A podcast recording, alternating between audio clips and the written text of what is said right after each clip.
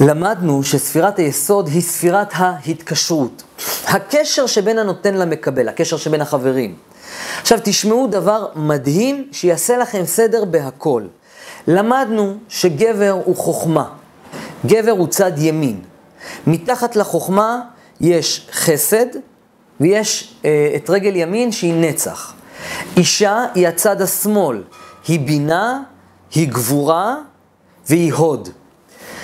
חוכמה זה הנקודה הקטנה, הבורא רצה לברוא עולם, זאת הנקודה של החוכמה הקטנה, והוא אמר, אה, אה, נברא, נברא אדם ונעשה כך וכך וכולי. הבינה הזאת, זאת בינה, איך לעשות. לדוגמה, אחד ועוד אחד זה שתיים, זה חוכמה. הבינה אומרת, אוקיי, אז אחד ועוד שתיים זה שלוש, היא נבונה, היא מולידה עוד מידע חדש. לכן הגבר שהוא ספירת חוכמה, שהוא אה, אה, הצד של החסד, הוא מזריע באישה זרע, שזה נקודה קטנה של מידע, והאישה מולידה מזה ולד.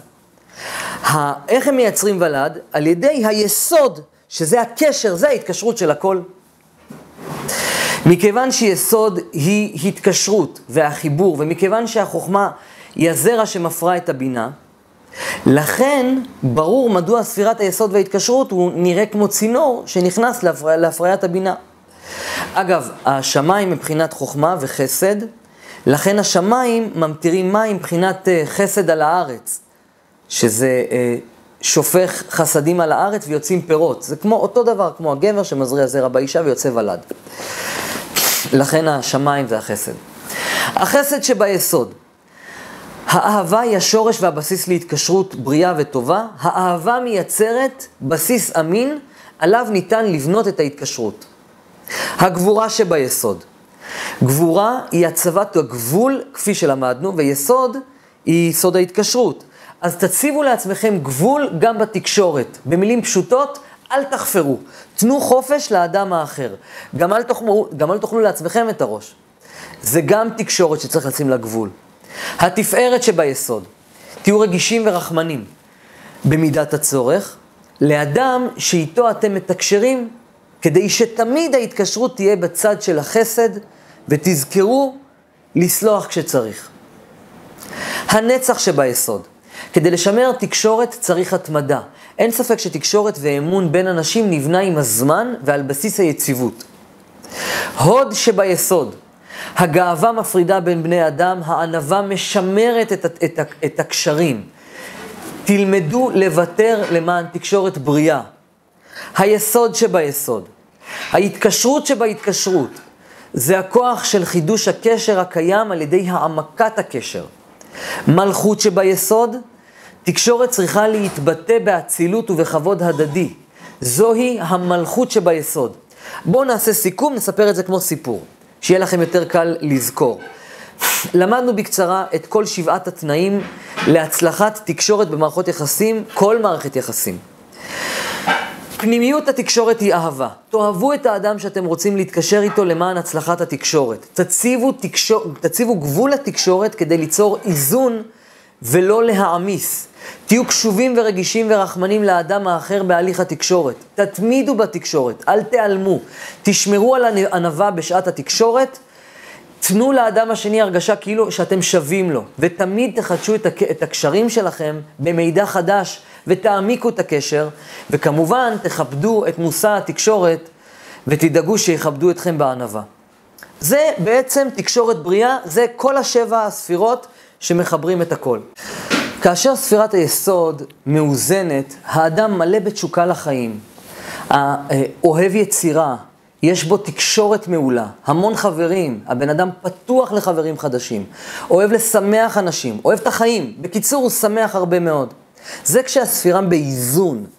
כאשר ספירת היסוד בעודף, האדם נרקסיסט.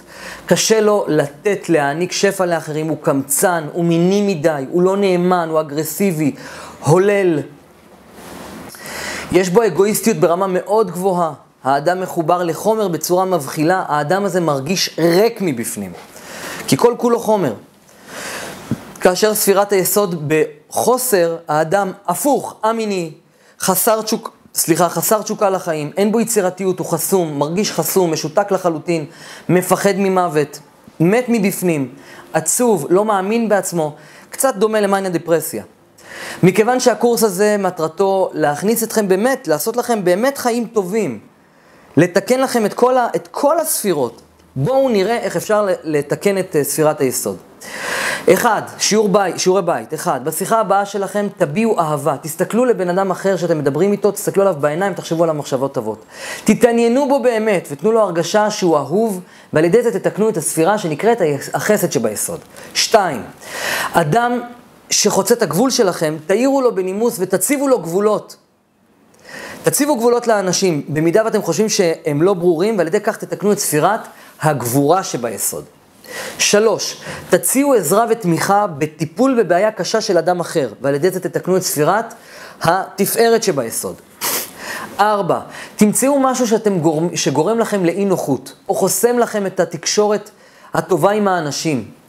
ותגידו לאותם אנשים שיש לכם חוסר תקשורת איתם, שיש לכם סבלנות, שאותו דבר ייעלם, כדי שיהיה לכם תקשורת טובה בעתיד.